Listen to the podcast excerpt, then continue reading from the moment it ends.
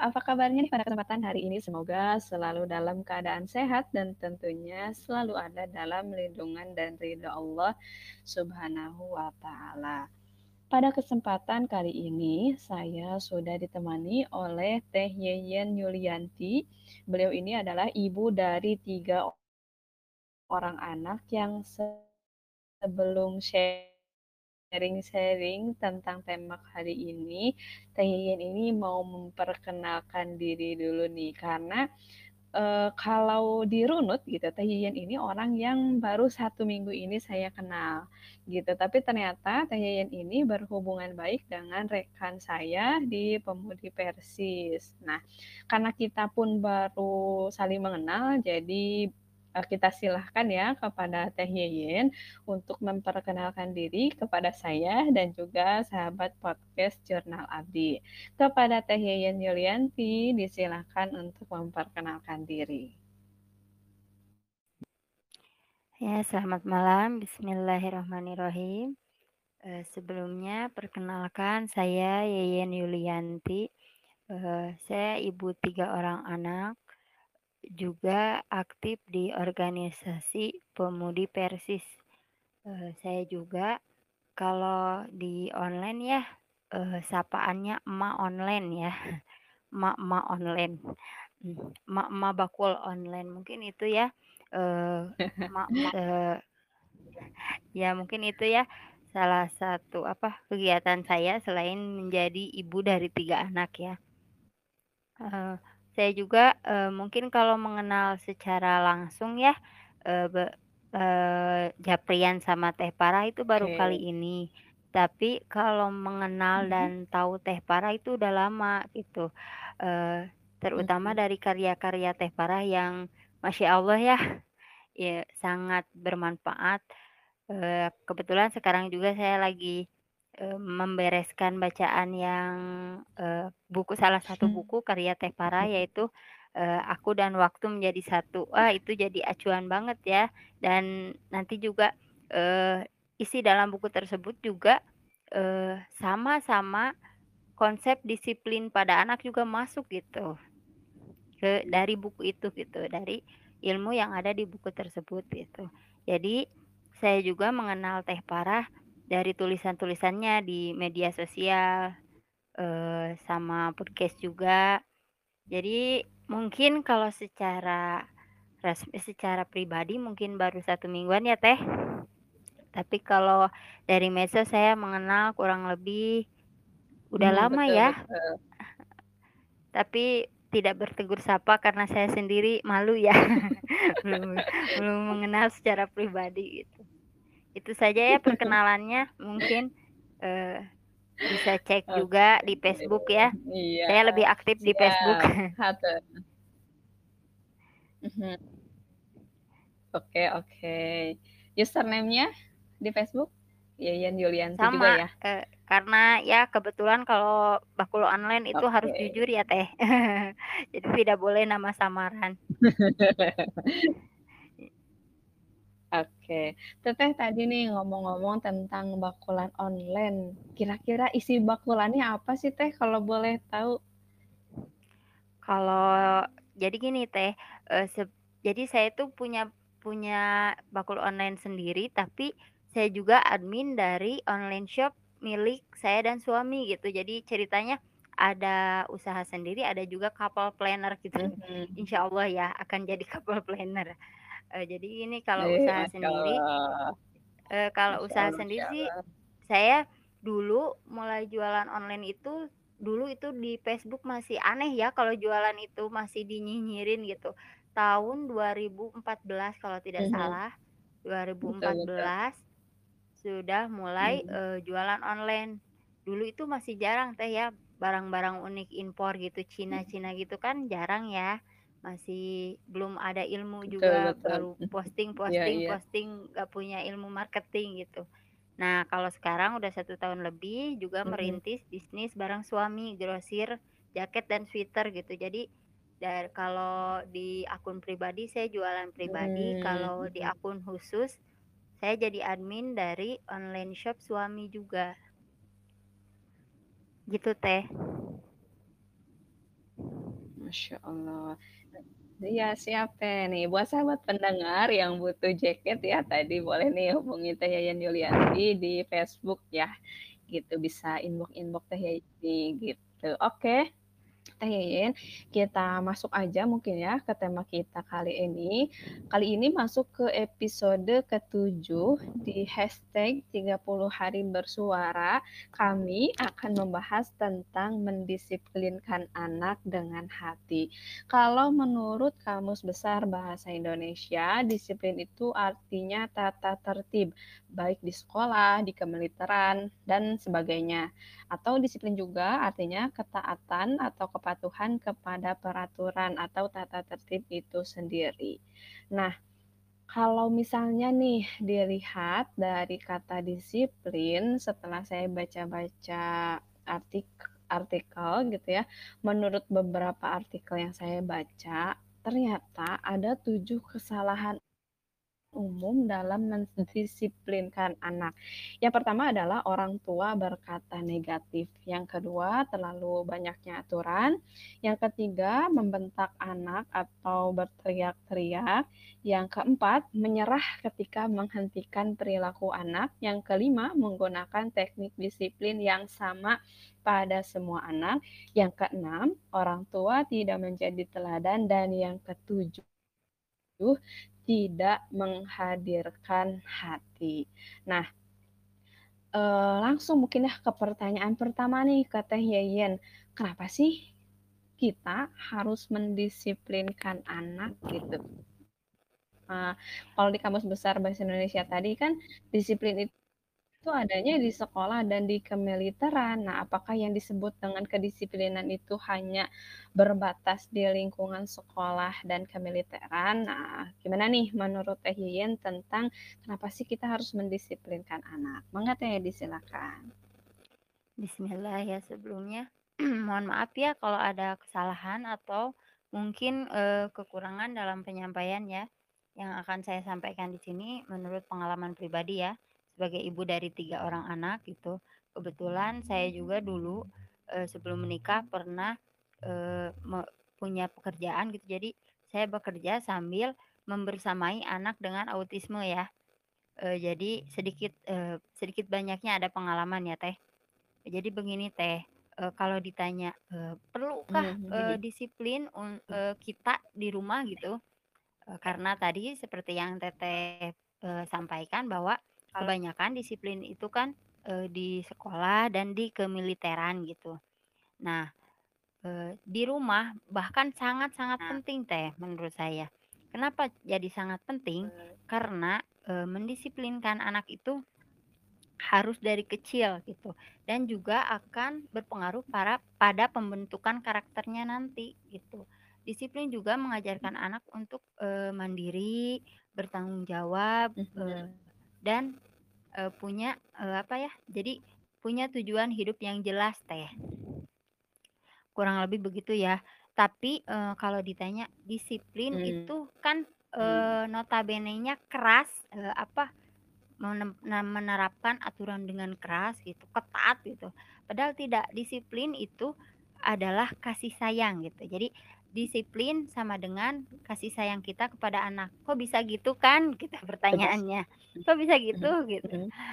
Karena ketika kita, eee, membiarkan anak gitu, tidak dalam disiplin maka heeh, maka anak, eee, gini, kalau disiplin itu kan seperti yang Teteh tadi katakan adalah aturan, gitu ya, eee, adalah, eee, apa, batasan gitu. Iya, disiplin adalah aturan, batasan. Karena baik dalam kita saja gitu, kita dalam muamalah sehari-hari, dalam kegiatan sehari-hari, kita kan punya aturan ya, yaitu aturan sebagai kita seorang muslim adalah Quran dan Sunnah.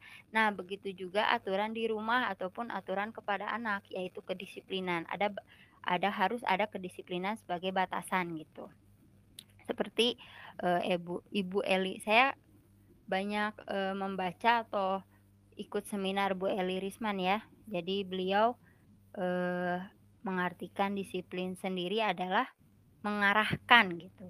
Jadi artinya itu, eee, namanya mengarahkan ya Teh, nggak dari dadakan gitu, jadi nggak bisa langsung atau misalkan, sepintas, tapi harus dari kecil. Kalau dari istilah Sunda itu didikan didikan mah lain dadakan gitu. Kalau tahu bulat ya dadakan enak. Kalau didikan itu nggak bisa gitu. Kedisiplinan Hmm, itu betul. heeh, harus heeh, harus diajarkan dari kecil Teh. Jadi, eee, contohnya gini ya kita itu kalau menyusui itu saya ini pengalaman ya, waktu saya menyusui anak pertama itu pernah drama, eee, anak nggak bisa tidur malam, jadi tidurnya siang, kalau malam nangis gitu. Nah, saya bertanya gitu ke bidan, ternyata, Mhm. eee, polanya yang salah gitu. Saya terus eee, bidannya bilang, "Coba Bu diatur," gitu, "diatur waktu tidurnya." Nah kan ada eee, pas anak kedua saya baru tahu triknya, ternyata harus tet harus, eee, konsisten bangunkan anak 3 jam sekali lalu beri ASI gitu kan. 1 minggu berlalu setelah saya konsisten, ternyata iya, si anak tidak pernah ada drama bangun malam gitu, jadi Mmm. tidurnya teratur.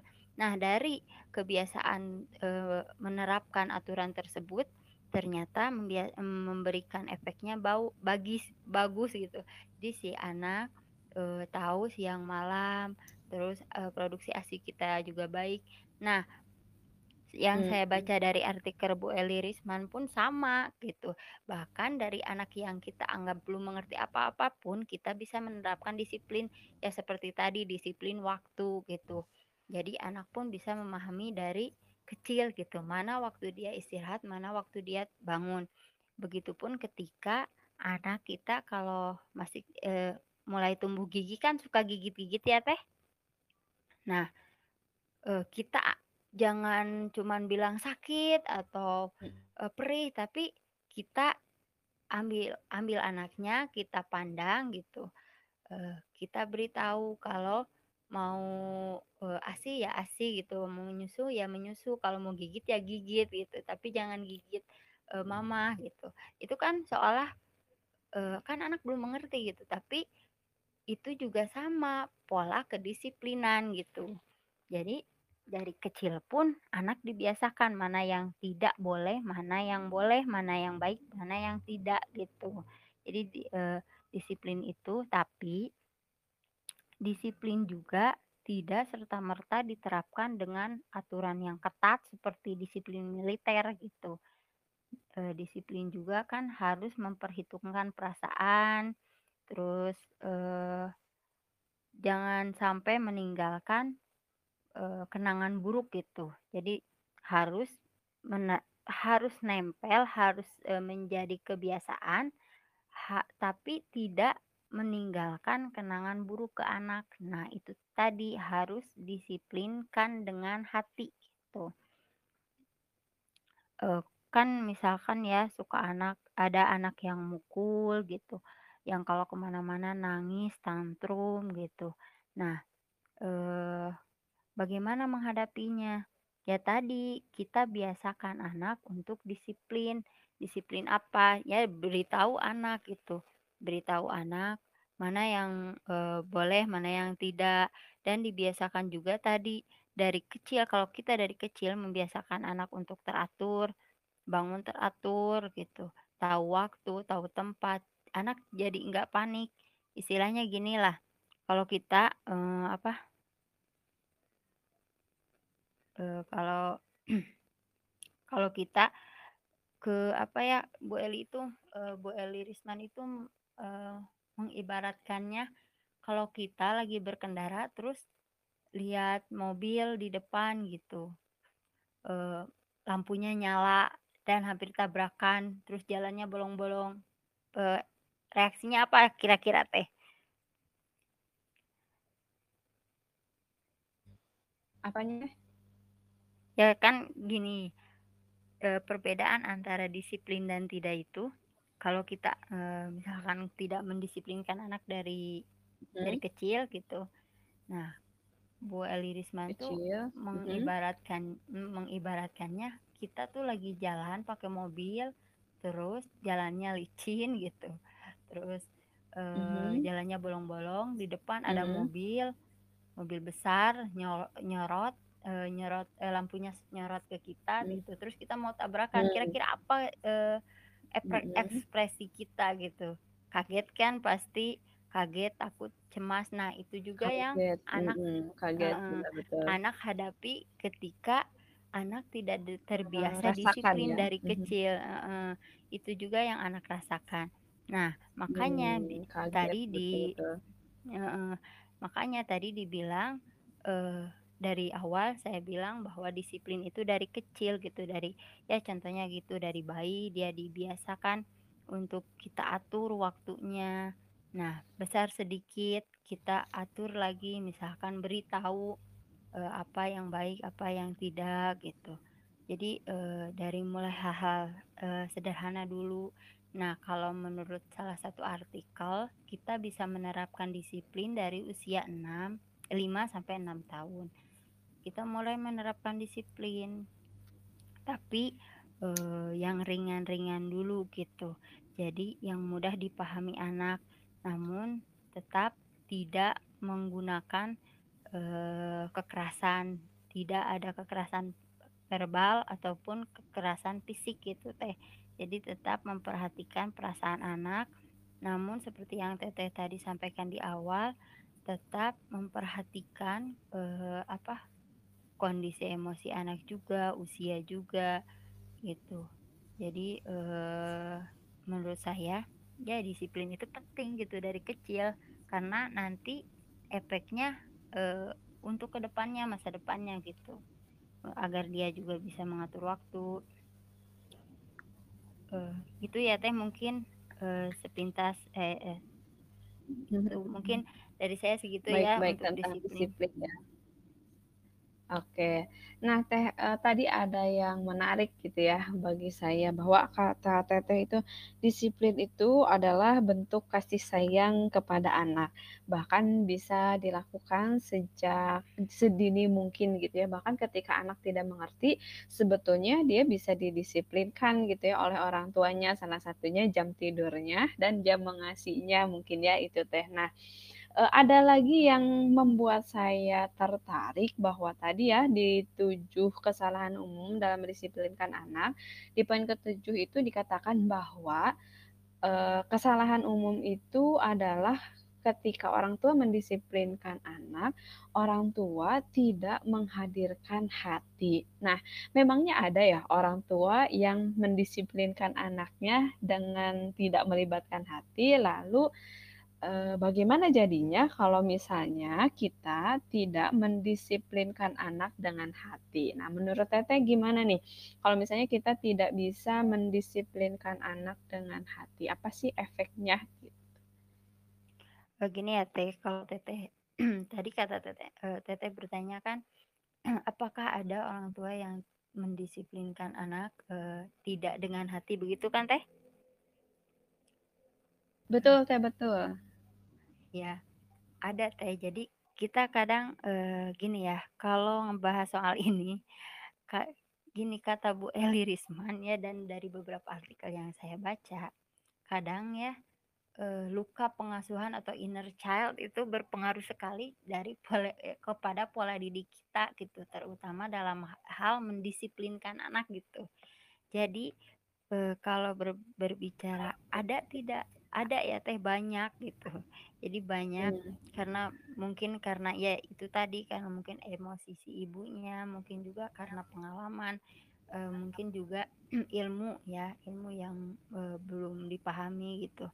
Dan tadi inner child, jadi kalau bisa, ini kita kita nanya dulu ke diri nih kalau kita mau mendisiplinkan Mhm anak atau mhm. misalkan ada ibu yang nyubit ya, tanya dulu, "Ini saya nyubit karena memang anaknya nakal atau Mhm. saya ingat waktu dulu dicubit?" Gitu. Waktu kecil dicubit atau kalau kita teriak ya sama anak, kita ingat, apa kita dulu ini ini Mmm. diri kita atau diri kita waktu kecil gitu, kan kita misal mengalami diteriakin atau misal dicubit, dipukul, ini kita balas istilahnya ya, kalau istilah awamnya, ini balas dendam apa bener ngedidik nih? Gitu. Jadi gitu ya, Teh. Dan emang banyak sekali, Teh, ya pasti eee pengalaman saya juga banyak gitu. Terus jadi erat kaitannya Mhm mendidik mhm. anak dengan hati Mhm. ini, hatinya kita dulu beresin Teh, gitu. Emosi kita dulu beresin. Soalnya, eee, menurut pengalaman sendiri juga, kalau pakai kekerasan atau pakai emosi itu nggak bakalan berhasil, nggak nyampe pesannya gitu Teh. Jadi ketika kita menerapkan satu aturan ya, terus kita nggak me melibatkan emosi, yang ada, eee, anaknya Mmm, bukan betul betul bukan betul. menerima pesan tersebut, tapi malah berontak gitu. Eee, dan satu lagi eee, kita juga harus memberi penjelasan gitu. Jadi kalau kita ngelarang tuh Mmm. dengan penjelasan gitu. Jadi misal, eee, "Jangan makan coklat," kita kan, "Jangan makan coklat," si anak makan lagi, "Jangan makan coklat," kita makan lagi. Mmm. tapi kita beritahu kenapa tidak boleh gitu, apa yang jadi bahaya, apa yang Mmm, yang betul men betul jadi apa, betul. bikin nggak boleh gitu. Dan juga, eee, lihat juga, eee, Mmm. kondisi anak, emosinya atau karakternya kan berpengaruh kan ya. Karakter anak kan beda-beda, seperti anak pertama kan penurut, pendiam, anak kedua kan, Betul. kebalikan dari Mhm. itu kan saya gitu. Anak ketiga apalagi dia sukanya mukul, nyubit gitu Mhm. karena mungkin, eee, mainnya sama anak-anak yang gede kan beda gitu. Jadi kita penerapannya juga, eee, harus sesuai karakter, emosi anak juga dilihat gitu. Jadi, eee, apa, kita juga sambil menerapkan aturan jangan terlalu ketat gitu. Jadi evaluasi lagi evaluasi lagi, sambil kita juga terus belajar gitu, sambil menerapkan eee, itu, penerapan disiplin tersebut. Sudah terjawab? Ada yang kurang mungkin tadi? Iya Teh, siap siap siap. Cukup Teh, cukup. Nanti biar kalau misalnya ada yang merasa kurang, biar nyari lagi referensinya. Iya Oke, iya. eee, mungkin masuk ke pertanyaan terakhir ya Teh Eee, nanti insya Allah kalau ada kesempatan kita bincang-bincang lagi. Masuk ke pertanyaan yang terakhir nih, yang, eee, sepertinya, eee, saya bukan sepertinya, saya pribadi pun, eee, ingin tahu nih, tips mendisiplinkan anak ala Teh Yeyen. Karena tadi kalau tidak salah saya mendengar, Teteh itu oleh Allah diistimewakan dengan dititipkannya seorang anak yang, eee, autis gitu ya Teh ya, kalau tidak salah dengar, betul? Eee, enggak Teh, jadi dulu, eee, sebelum saya menikah gitu, pernah membersamai anak Mhm. autis gitu. Oh Jadi oh, ma ma oke oke oke. Bukan anaknya Teteh ya, tapi Teteh punya Bukan. pengalaman mendampingi anak yang Iya. oke maaf, mohon maaf nih Teh, salah salah Iya, nggak persepsi. Tapi, eee, itu menurut saya tapi itu menurut saya unik gitu. Wah gitu, Teteh punya pengalaman itu, saya pribadi sih nggak punya pengalaman itu. Mungkin Teteh, eee, bisa membagi tips atau apa sih yang Teteh lakukan untuk mendisiplinkan anak yang autis itu mungkin ya. Kemudian apa sih yang Teteh lakukan untuk mendisiplinkan anak-anak Teteh sendiri di rumah. Nah, bagaimana tuh Teh? Boleh Kan sharing-sharing-nya. kalau, eee, yang pertama dulu ya, kalau anak autis kan cenderung, eee, fokusnya itu sebentar ya Teh, eee, mohon maaf kalau salah mungkin ya, karena memang Iya, dulu iya, dulu kan saya, eee, tidak punya basic ya, basic psikolog, untuk menghadapi anak tersebut. Saya pun baru tahu kalau anak tersebut autis itu setelah, eee, beberapa tahun gitu. Saya ber eee, bekerja di Mmm, sana, kebetulan saya jaga toko sambil jaga anak tersebut. Kalau untuk Mmm. anak autis ya Teh, kita tidak boleh terlalu mengikuti, tidak juga kita cuek gitu Teh. Jadi kan emosinya tidak Mmm. stabil ya. Jadi kalau marah tuh Betul ya, betul. kalau dulu ya, yang yang saya temani dulu, kalau marah Teh, kalau dia misalkan minta telur ceplok gitu, terus, Mhm. eee, yang kita berikan misalkan telur dadar gitu. Nah, dia lempar mhm. piring dan yang isi nasi dan telur ke muka kita. Kalau marah begitu. Oh. Terus kalau Mmm, dia minta mhm. sosis, ya harus sosis, kalau harus dipotong ya dipotong, kalau enggak ya enggak gitu. Jadi kan gitu. Terus Mmm. kalau sekalinya emosi meledak-ledak, tapi perasaannya sangat sensitif dan sangat halus. Nah, yang kita yang Mmm. saya yang saya terapkan, saya dekati dia, saya masuk dulu ke dunianya gitu. Ke Mmm. dunianya sebisa mungkin gitu, sebisa mungkin dan eee, saya kalau dipukul saya nolak, saya menghindar gitu. Kalau dia mukul saya menghindar, Mmm. kalau udah saya ngamuk saya menjauh. Nanti dia nyari sendiri Mhm. gitu, karena kebanyakan autis Mmm. itu nggak mau ditinggalin gitu, nggak mau ditinggalin terus Oh, maunya diperhatikan. Kalau yang yang yang saya tem yang saya temani ya Teh, yang saya temani, Mhm tapi mhm. tidak lantas membedakan dia maksudnya gini, dia eee, misalkan anak ini dengan autisme, terus karena autis ya sudah kita tidak berikan aturan, misalkan kalau dia buang-buang makan atau tidak mau makan pada jamnya, ya sudah kita turutin sebuah keinginan, tidak serta-merta seperti itu. Justru kita harus tetap menerapkan, eee, aturan-aturan atau kesi kedisiplinan, eee, yang sama dengan anak yang lain agar dia juga bisa Mmm, mandiri iya, gitu. mmm. Jadi dia juga bisa mandiri, bisa bergaul normal dan alhamdulillah Teh dengan bukan dengan bantuan saya mhm. sendiri ya, dengan ya dia juga terapi, terus saya juga menerapkan Mmm. pola itu sampai sekarang anaknya alhamdulillah sekarang sudah lulus, eee, aliyah, dia juga sudah kuliah, sudah Mhm. mengajar pula, bahkan kalau ketemu tuh ke kita tuh punya ikatan batin gitu, kayak punya ikatan batin loh Teh. Jadi sopan banget, sayang banget kayaknya gitu. Dia tuh nggak pernah nggak nggak Mmm, akan pernah gitu. lupa apa yang Wah, sudah kita berikan gitu Oh, kasih iya. sayang. Terus kalau misalkan dia marah, kalau dulu ya dia Mmm, marah, dia ngamuk, saya pegang tangannya, saya tatap wajahnya, "Maunya apa maunya apa?" Gitu. Saya tanya, "Maunya apa maunya apa?" Kalau mau itu jangan Mhm, ngamuk, iya udah iya. duduk dulu, duduk gitu, suruh duduk, saya kasih minum, itu aja. Setiap dia emosinya memuncak, saya yang, eee, itu yang rendah gitu, tetap anak yang normal pun Mmm. sama, intinya gitu anak-anak kan polos, eee, apa, masih murni gitu kan. Mmm. Dan kita pun menghadapinya harus kalau prinsip saya ya, kita harus jadi mereka. Mmm. Rasakan dulu apa yang mereka mereka rasakan. Kalau anak tantrum, eee, kalau anak ngamuk kita rasain dulu. Nih misalkan anak dibawa keluar terus Mhm. tantrum, kita rasain dulu. Kalau saya di posisi Mmm. anak saya itu seperti apa, mungkin kesal, mungkin lelah, mungkin juga kepanasan gitu. Jadi, eee, tetap balik lagi ke tadi, harus pakai hati gitu. Harus benar-benar Mmm. fokus pakai hati, jadi nggak bisa gitu kalau misalkan, Mhm, kita betul ngelarang betul. anak heeh, ngelarang anak misalkan, ngelarang anak, eee, anak kan biasanya, eee, apa namanya, kalau istilah anak sulung saya tuh, eee, apa ya aji mumpung katanya. Jadi kalau anak mamahnya sibuk kan anak-anak suka iseng ya, eee, "Ma minta es krim," gitu, Mmm, padahal kita kan lagi sibuk ngobrol misalkan kan, suka gitu kan Teh ya. Nah, kalau Mhm, kata betul. anak sulung saya heeh, aji mumpung katanya. Nah, kan Mhm. kita nggak fokus nih, gitu, nggak fokus nih. Kita akhirnya kasih kasih gitu. Nah, gimana caranya nih biar nggak gitu, gitu.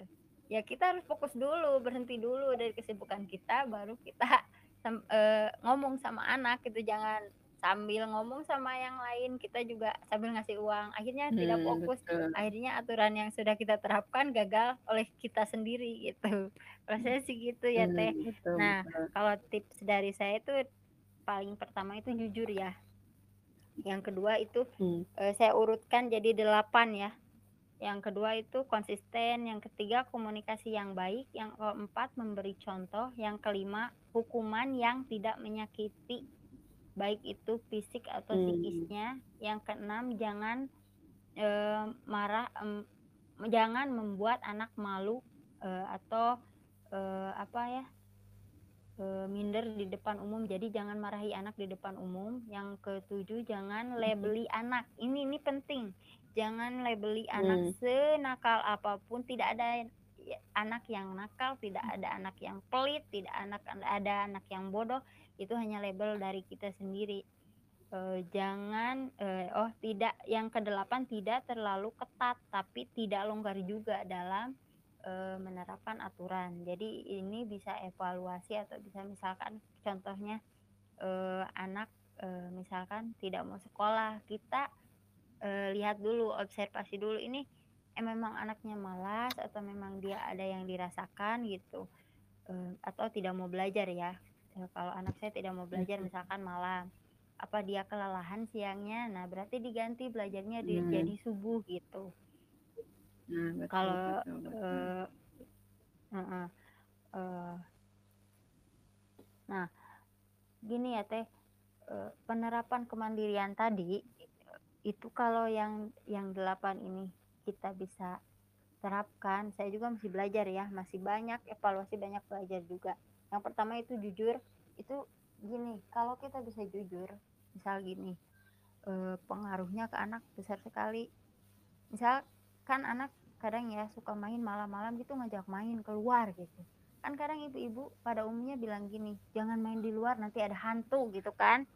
Itu kan tidak jujur ya saya tidak jujur. Betul tidak betul jujur. betul. Akhirnya si anak setelah uh, besar dia pun begitu gitu. Jadi jangan heran kalau anak pun berbohong ke kita gitu. Ketika kita bilang pulangnya jangan telat ya. Misalkan kalau mainnya dia nanti akan berbohong. Uh, itu yang yang saya uh, alami ya. Terus uh, yang keduanya contoh kasusnya gini. Ketika kita jujur kepada anak gitu uh, kita juga harus konsisten teh. Kayak gini saya kan uh, ada kesibukan di luar juga ya teh.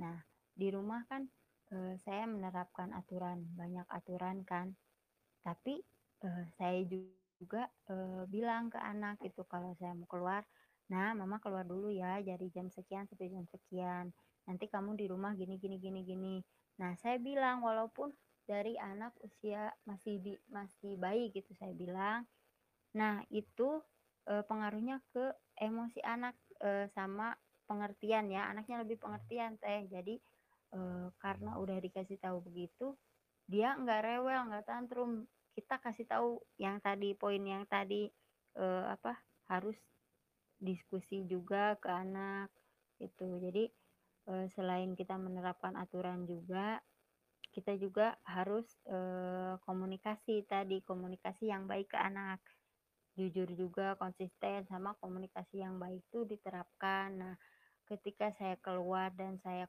e, bilang ke anak dengan jujur nah anak jadi enggak rewel jadi e, kalau ditinggal juga dia nggak pernah tantrum. Biasanya kan kalau ditinggal lama pas pulang tantrum enggak e, jadi anaknya lebih nurut. Kalau kalau saya sih gitu ya teh.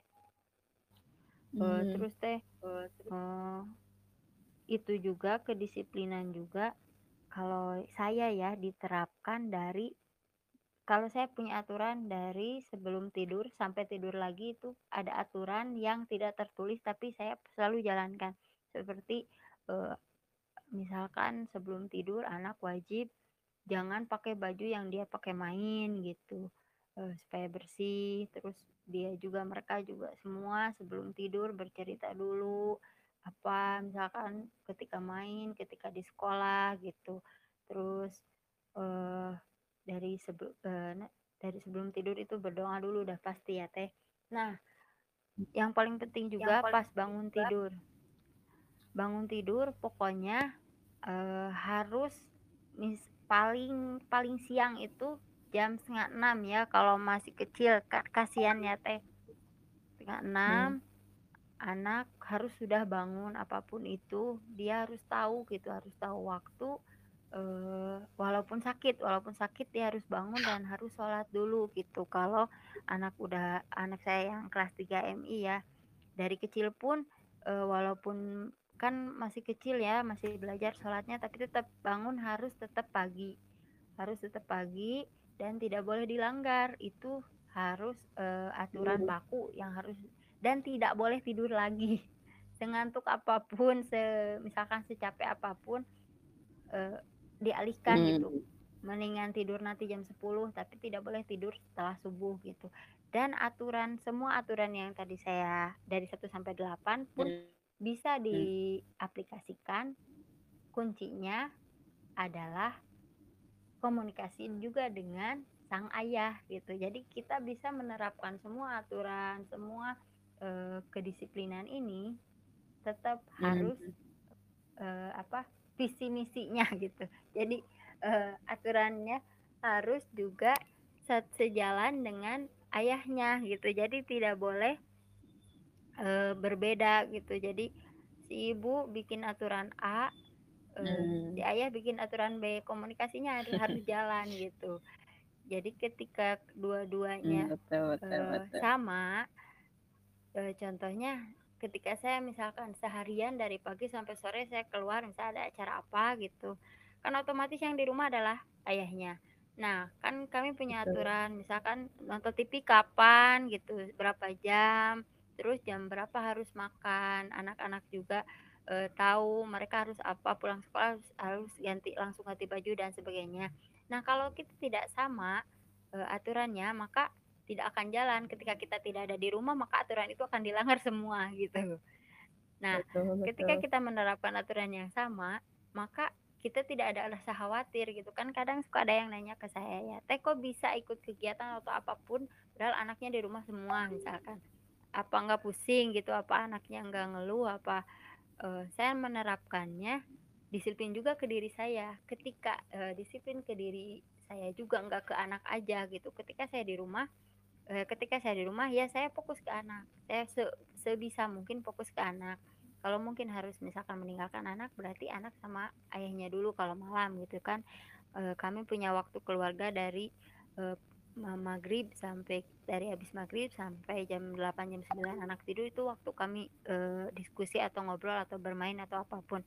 Nah ketika saya tidak bisa saya enggak langsung mencek Sunda leos gitu. Jadi e, hmm. Berangkat atau ke mana gitu. Kalau harus misalkan ibu saya sakit atau apa itu atau misalkan kayak gini ya teh ada rekaman ada podcast atau misalkan ada uh, diskusi online atau apa pun uh, saya kasih ke bapaknya gitu ke ayahnya pak nitip anak-anak dulu ini mau uh, webinar atau apa gitu. Terus ketika saya jadi ketika saya ada di luar anak-anak mengerti gitu teh karena mereka tahu ya waktunya mama di luar karena ada kegiatan gitu. Mereka hmm. eh, karena terbiasa mengatur waktu terbiasa disiplin waktu. Jadi mereka tahu mana waktu harus siap-siap ke sekolah mana waktu mereka mandi makan karena sudah terbiasa diatur dari kecil bahkan ya dari kecil dari bayi uh, sudah saya biasakan. Jadi ketika saya berada di luar saya tidak pernah uh, bingung. Aduh udah jam segini nih waktunya anak pergi sekolah. Aduh belum disiapin ininya tasnya. Enggak hmm. uh, anak saya rata-rata dari usia ya pokoknya usia 2 tahun tuh sudah mulai mandiri. Jadi hal-hal sepele kayak kalau numpahin air dia harus dia yang bereskin sendiri. Kalau makan uh, tidak ada toleransi pokoknya e, bekas makan sendiri bekas e, minum sendiri harus mereka simpan ke tempat cuci piring sendiri. Kan kadang e, kalau orang tua kalau kita sama orang tua gitu sama neneknya kan kadang suka neneknya kan suka bilang gini aduh power gitu. Wah hmm. daripada sama anak gitu. Mendingan e, kita beresin sendiri. Enggak teh. Tetap itu kan konsistennya di situ gitu. Jadi kita jangan betul, betul. Uh, uh, uh, jadi kita jangan goyah gitu. Nah, komunikasi yang baik juga berguna gitu. Jadi e, berperan lagi di sini ya kita e, sampaikan lagi ke orang tua kita, oh ini lagi disiplinin anak gitu. Kayak kalau mereka berantakin mainan, nah saya e, misalkan tidak diberesin lagi sampai saya pulang misalkan dari pengajian ternyata masih berantakan janjinya mau diberesin sebelum mama pulang misalkan. Nah, saya hukum tidak boleh main HP, tidak boleh nonton TV. Nah, saya sampaikan ke semua orang sekitar rumah gitu. Bahkan ke neneknya, hmm. jangan kasih HP, jangan kasih TV. Hmm. Mungkin itu rada PR ya teh, tapi itu eh, efektif sekali gitu dan anak-anak jadi tahu oh ini. Terus kalau misalkan membuat kesalahan pun saya nggak pernah gitu.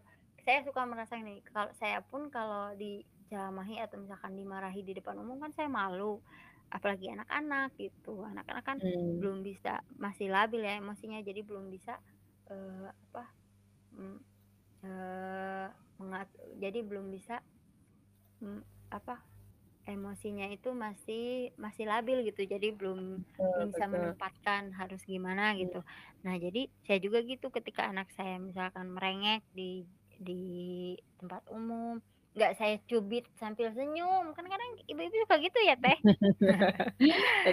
Jadi senyum di depan teman gitu padahal eh, tangannya nyubit paha anaknya gitu. Nggak gitu teh. Tapi saya saya ambil anaknya gitu. Ini pengalaman pribadi semua ya teh. Eh, saya ambil anaknya saya rangkul dulu gitu saya dudukin. Dia tenang saya juga harus tenang dulu gitu. Saya tanya kenapa nak Eh, kok gitu? Kan tadi udah janji sama mama. Nah nanti eh, maunya gimana? Gitu. Saya tanya maunya gimana? Ya baru kan dia menyampaikan apa yang dia mau. Nah kita sampaikan Mhm. baik-baik kenapa kita enggak ngasih gitu. Tapi alhamdulillah gitu. It- nggak ada istilah eh, kalau mama kan nih kalau main keluar itu malas gitu. Anak-anak jajan jadi dua kali lipat gitu. Kalau ke pengajian juga anak jajan jadi dua kali lipat. Di rumah kita atur di luar nggak bisa. Nah nggak ada istilah gitu kalau kita sudah menerapkan kemandirian teh. Mereka sudah Hmm. tahu ini waktunya saya jajan ini waktunya saya Iya, makan betul, gitu. betul. Ya gitu sih teh yang saya eh, itu yang saya rasakan dan saya pengalaman saya gitu selama nggak tahu ya kalau kadang saya juga eh, masih bertanya-tanya sih teh apa ini juga bakal sama ketika diterapkan ke anak laki-laki gitu karena anak saya Hmm. kan perempuan semua gitu Ya, ya. tapi eh, eh, eh, tapi pengalaman saya yang paling dasar itu eh, menerapkan aturan adalah pakai hati gitu mau Betul, itu anak betul. perempuan atau laki-laki karena ketika saya mengajar anak-anak pengajian kan banyak anak laki-laki yang teh yang bahkan Mhm. usianya sudah kelas 6 MI gitu. Nah, ketika kita Hmm. benar-benar tatap wajahnya, panggil namanya gitu, terus eh, kita rangkul, alhamdulillah gitu. Seiring berjalannya waktu mereka juga mengikuti aturan yang kita buat gitu Mhm, bahkan mhm. lebih eh, lebih lebih paham gitu sama apa yang kita sampaikan gitu. Kalau kita pakai hati pakai hati dan perasaan gitu. Jadi eh, nggak pakai apalagi hinaan. Jangan ya teh jangan sampai nggak nggak dibenarkan oleh eh, dunia parenting mana pun. Tidak ada Mhm. pokoknya tidak ada toleransi bagi kekerasan teriakan. Dulu saya pernah dulu saya pernah. Hmm. ternyata yang harus diperbaiki adalah eh, diri kita gitu jadi Betul. eh, selesaikan dulu masalah sendiri baru kita bisa menerapkan aturan ke anak gitu itu ya Mhm, teh betul, betul. mungkin itu Siap. Aduh, mungkin itu Teh. ya mudah Iya, iya. Betul, betul. Ini eh, relate banget ya sama kehidupan kita sehari-hari dan nggak hanya anak perempuan aja kok Teh gitu yang yang tadi ya Teteh kan eh, Teteh menerapkannya ke anak perempuan karena semua anaknya perempuan.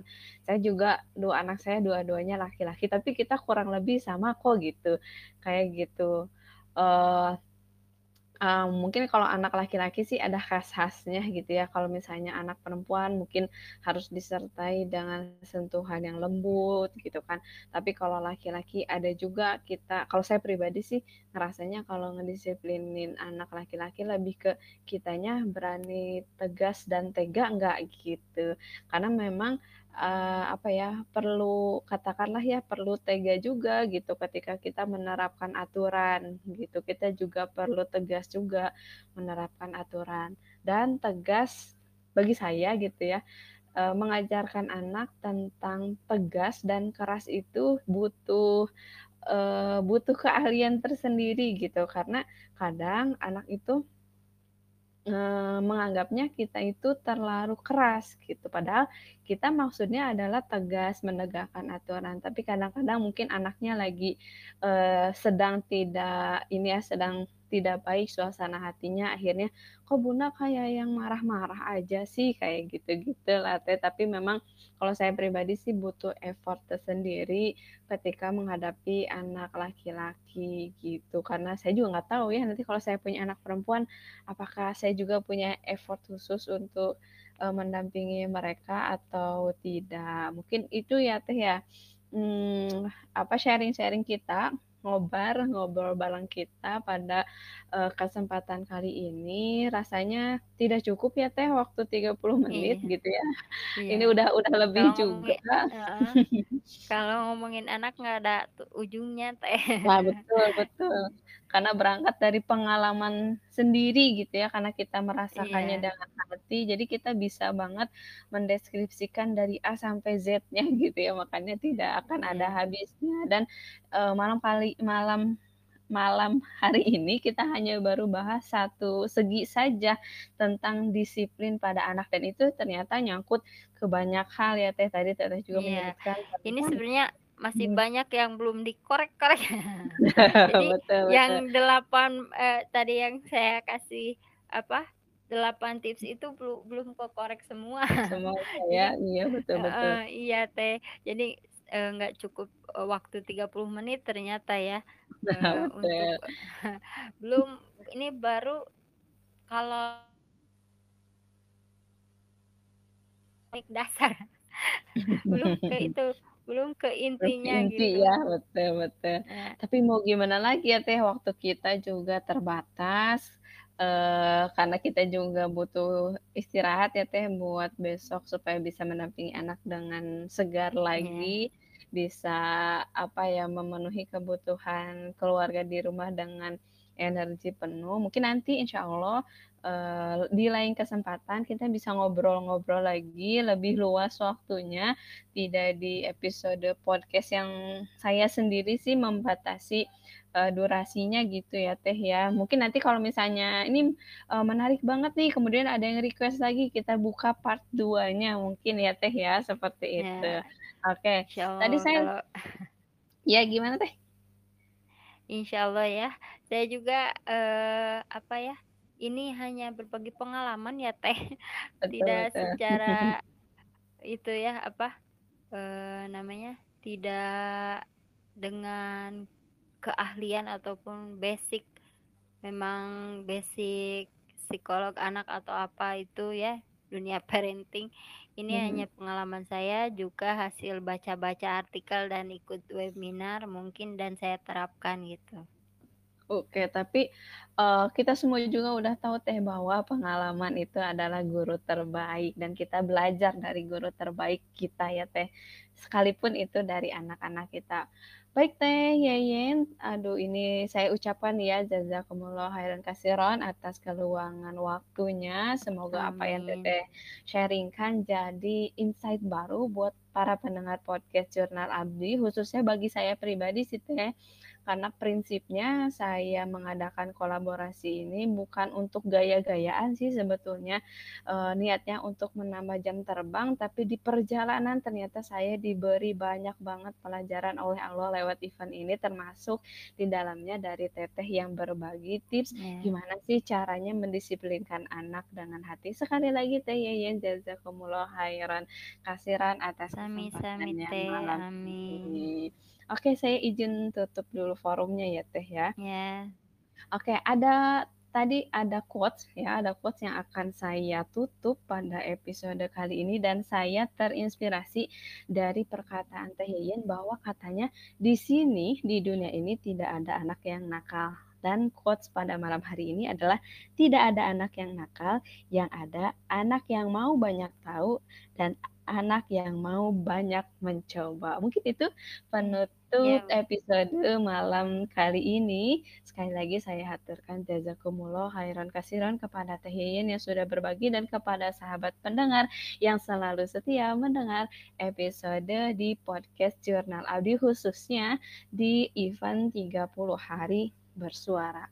Tanpa berpanjang lebar, saya tutup dengan bacaan hamdalah dan wassalamualaikum warahmatullahi wabarakatuh. Hidup untuk berbuat, berbuat untuk bermanfaat.